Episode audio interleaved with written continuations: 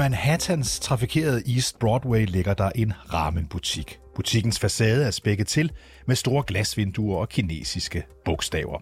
Egentlig ikke et så overraskende syn her i New Yorks Chinatown. Men oven på ramenbutikken ligger der noget interessant. Og i snart et år har der foregået ting der, som ingen er helt sikre på, hvad er. Nogen mener, at det kinesiske kommunistparti med Xi Jinping i toppen driver en kinesisk politistation på tredje sal i den her Manhattan-bygning. Kineserne selv afviser pure, at det er det, der foregår. Du lytter til Konfliktzonen, hvor vi i dag går tæt på mistanken om den her kinesiske politistation på Manhattan i New York City. Nu er også amerikanske FBI nemlig gået ind i sagen. Og det stopper ikke her, for det er ikke kun i USA, at de her mystiske steder, der angiveligt trækker tråde til Kina, dukker op. Så hvad har Kina gang i? Mit navn er David Træs. Velkommen til Konfliktzonen.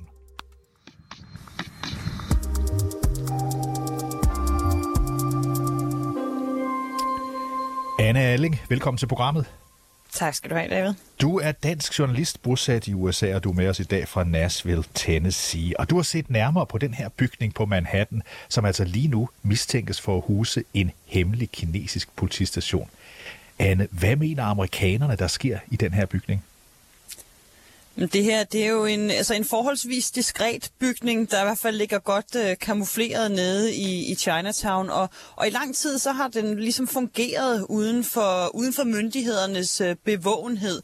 Kina de siger selv, at det her de kalder det en servicestation, og siger, at det er sådan et sted, hvor man for eksempel hjælper øh, kinesere i USA med at få fornyet deres kørekort og sådan noget. Men øh, nu er USA altså ude og sige, at øh, det her det er nærmere altså en, øh, en forlængelse forlænget arm for det kinesiske kommunistparti, og det er noget, som myndighederne både bygger på, øh, på fortællinger, de har derfra, og for, for sager, de har gang i lige nu, men, øh, men som altså de også bygger på øh, en europæisk øh, NGO, der hedder Safeguard Defenders.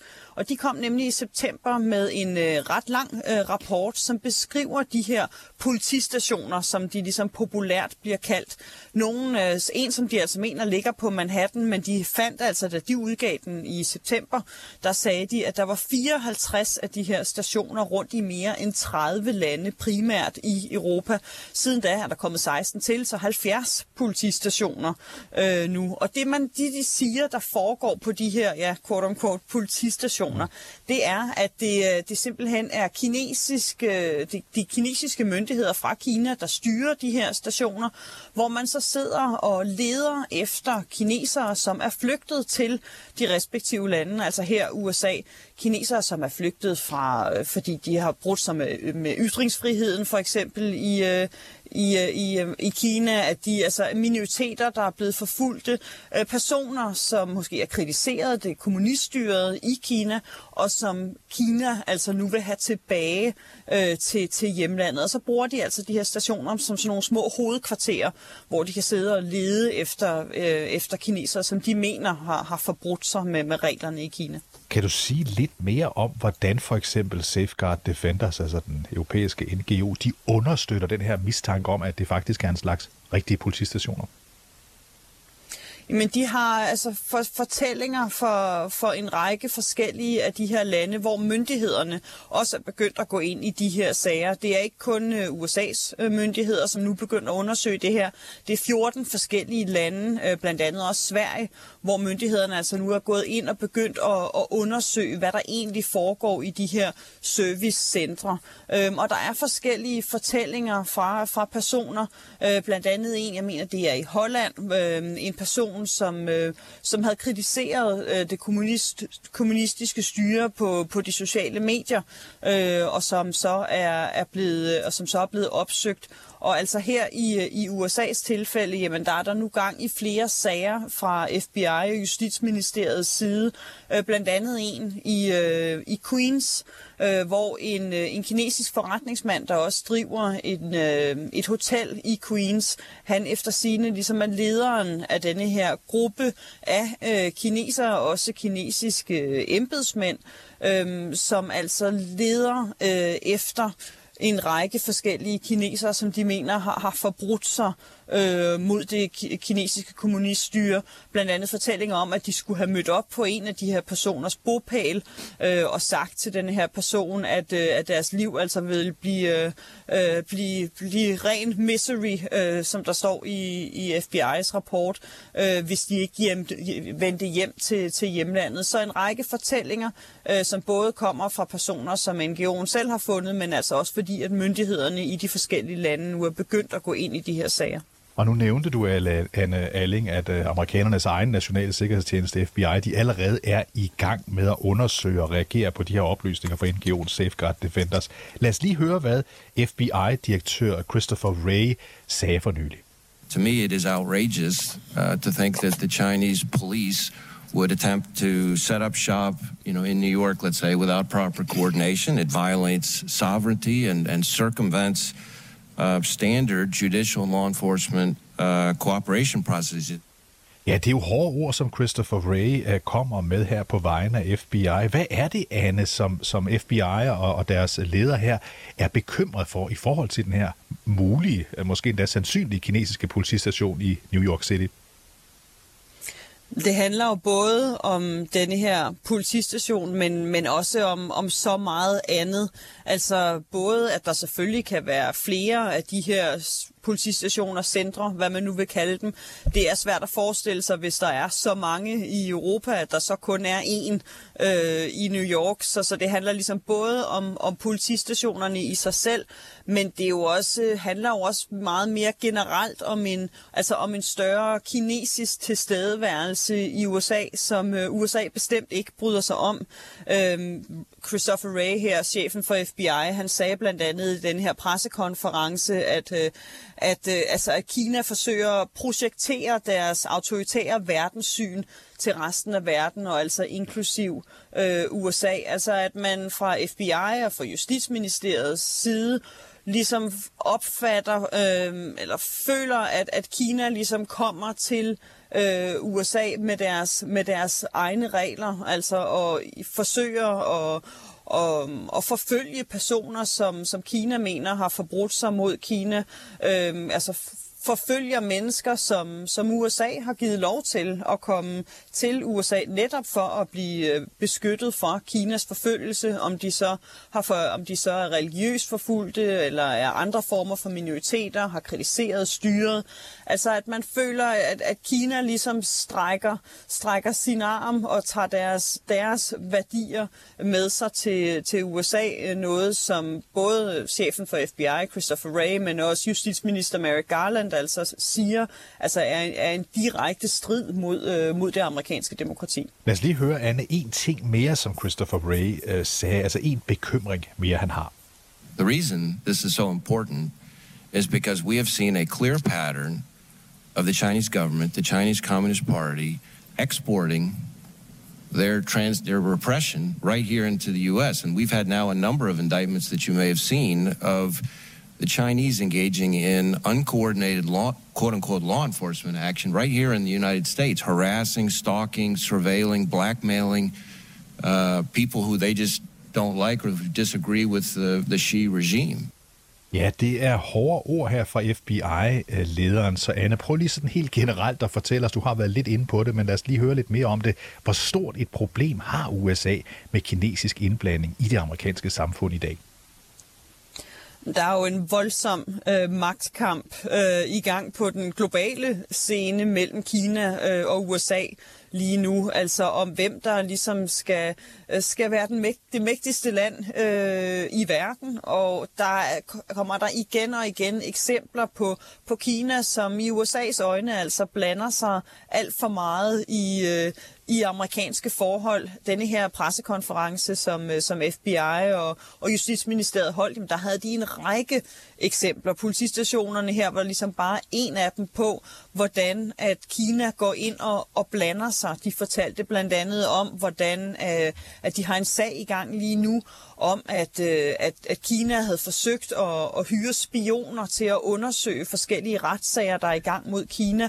Øh, hyre spioner til ligesom at få informationer om de her retssager, som de så kunne sende tilbage til Kina. De endte så med Kina at hyre en, en dobbeltagent, som faktisk øh, arbejdede for FBI, så på den måde så blev det helt afsløret. Øh, men det er en af sagerne. Andre sager, som øh, Justitsministeriet har gang i lige nu, om hvordan at Kina de forsøger at, at stjæle øh, fortrolige informationer om teknologi i USA, altså øh, stjæle ligesom øh, teknologisk øh, udvikling og teknologisk innovation, hente det hjem til Kina for på den måde ligesom øh, at, at udkonkurrere, øh, udkonkurrere USA. Og så er der altså, altså andre måder, hvorpå at, øh, at Kina forsøger at, at hente øh, kinesere hjem, som, som har forbrudt sig mod styret, og på den måde ligesom bryde med, med menneskerettighederne. Så det er en række forskellige parametre, øh, hvor Kina i, øh, i USA's øjne altså i den grad bryder reglerne og forsøger at, at stjæle øh, efterretninger, teknologisk viden øh, fra USA. Tusind tak, Anne Alling, fordi du var med i programmet. Velbekomme. Altså med os fra Nashville, Tennessee.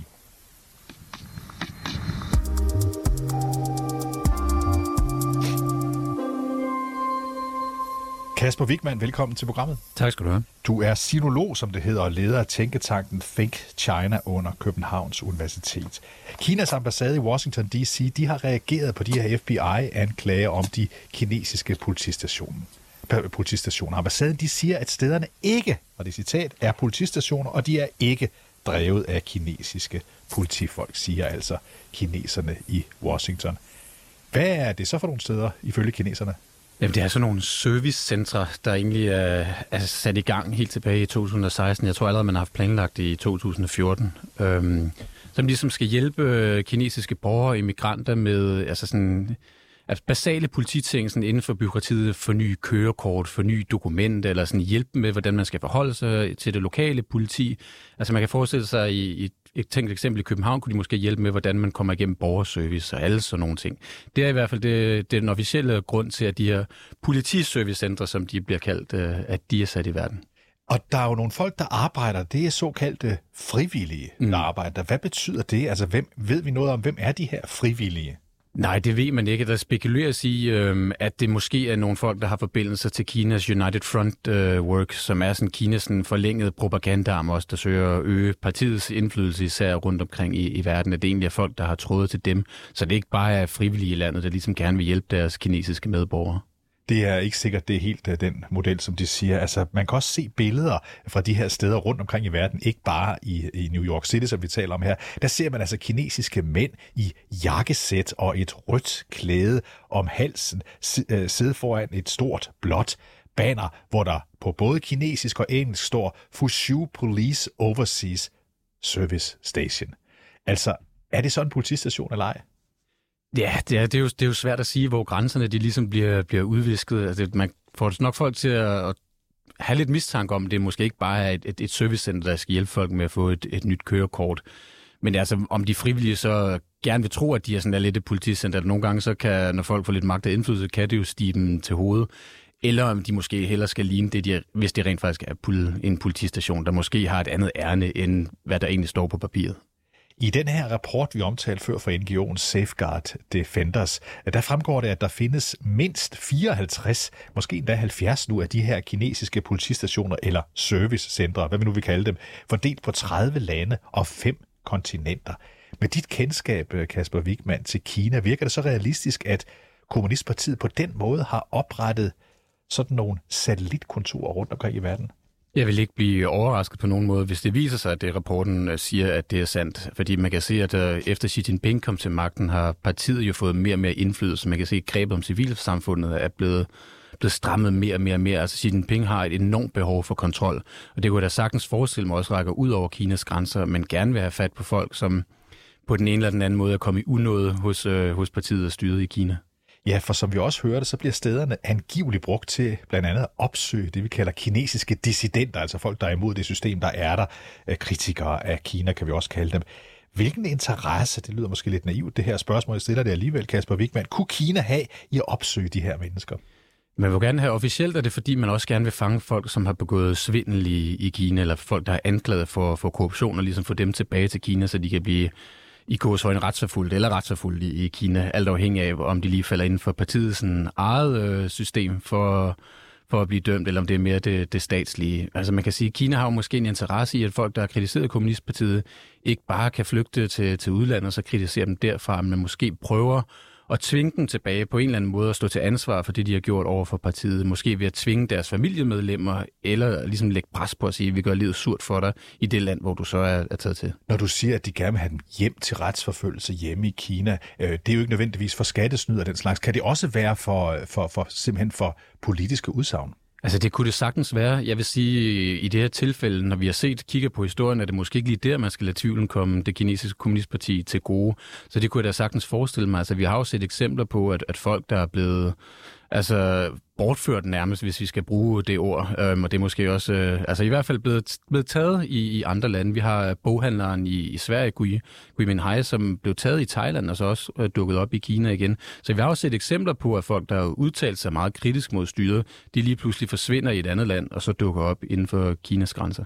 Nu siger du, at, øh, at der er nogen, der er rejst hjem igen, og vi ved fra det her, den her Safeguard Defenders undersøgelse, at siden de her steder begyndte at åbne i foråret 2021, så har de kinesiske styre, de kalder det overtalt, 230.000 kinesere til frivilligt at komme hjem til Kina, så vidt jeg lige kan huske, hvad det tal det svarer. Det svarer det til hele Aarhus mm. Kommune, altså et antal, der er blevet overtalt til at tage hjem til Kina. Ved vi så noget om, hvad der sker med de mennesker, når de er blevet overtalt til at tage hjem til fædrelandet. Det kommer så an på, hvad de bliver anklaget for, og hvordan altså retssystemet i Kina, hvordan de bliver retsforfulgt. Man kan sige, at partiet har jo sin egen sådan, central disciplinære kommission, der ligesom kigger på korruption inden for partiet. Så hvis de har trådt til partiet, så er det partiet, der tager over. Så er det partiets organ, der ligesom kigger med efter sømmene. Og så kan det være, der kommer en anklage for partiet. Hvis det er mere sådan, man kan sige, det er svindel, så er det måske mere den kinesiske stat. Og igen, i dag er det Altså grænserne mellem stat og parti bliver mere og mere udvisket, så det er også enormt diffust og ugennemsigtigt at få et fuldt overblik over, hvad det egentlig der foregår. Men hvis vi siger, at det, det er en korruptionsanklage, så skal de stå til ansvar for det, og så får der en anklage for det, og så er der noget retsligt øh, øh, spil, der går i gang, og det er det også, hvis det er svindel. Dissidenter, der er der måske noget andet. Måske bliver de bare tilbageholdt i lang tid, mens man undersøger dem. Det har vi også set eksempler på i Kina.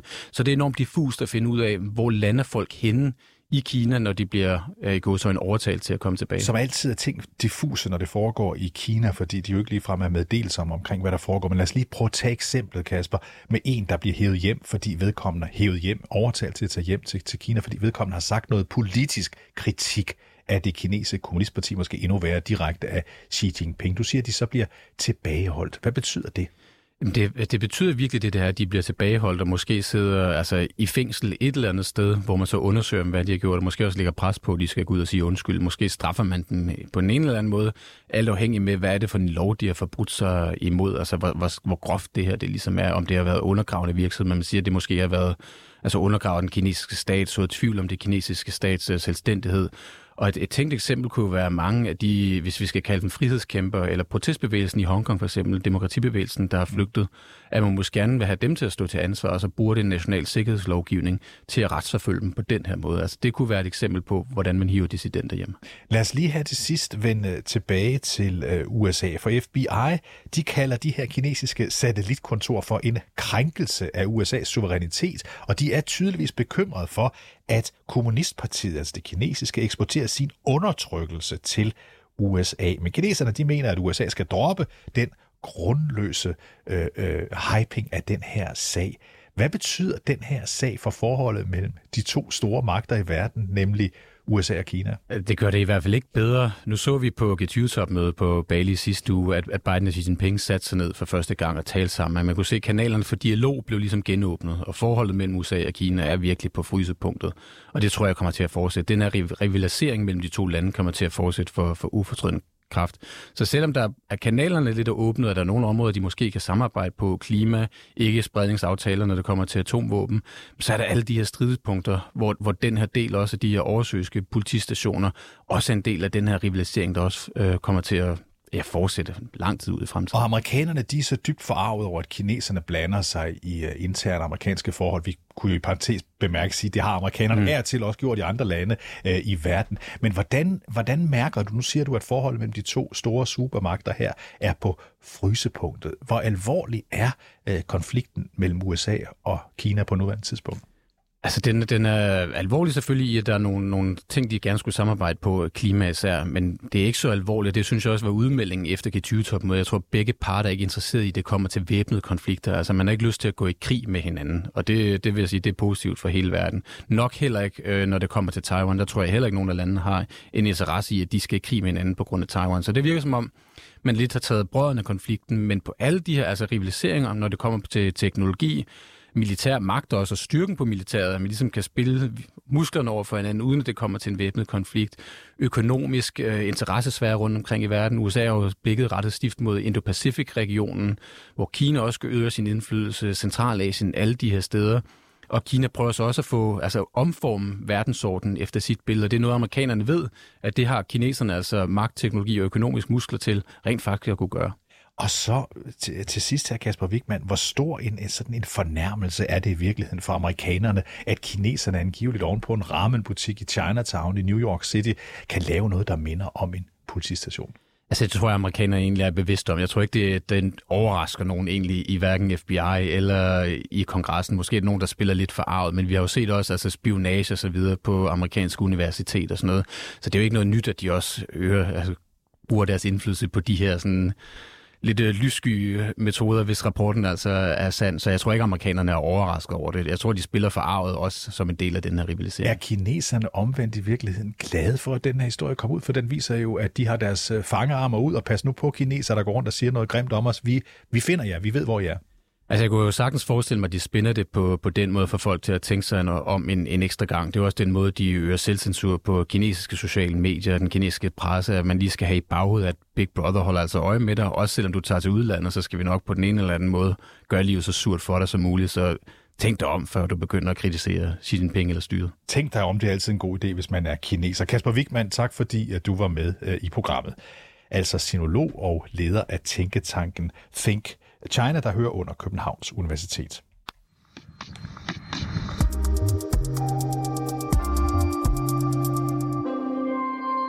Du har lyttet til dagens afsnit af Konfliktzonen 24-7's udenrigsmagasin. Mit navn er David Træs. Holdet bag programmet er journalist Sofie Ørts og redaktør Christine Randa. Du kan lytte til programmet direkte, det kan du mandag til torsdag fra kl. 8 til 8.30, men du kan selvfølgelig også høre programmet som podcast.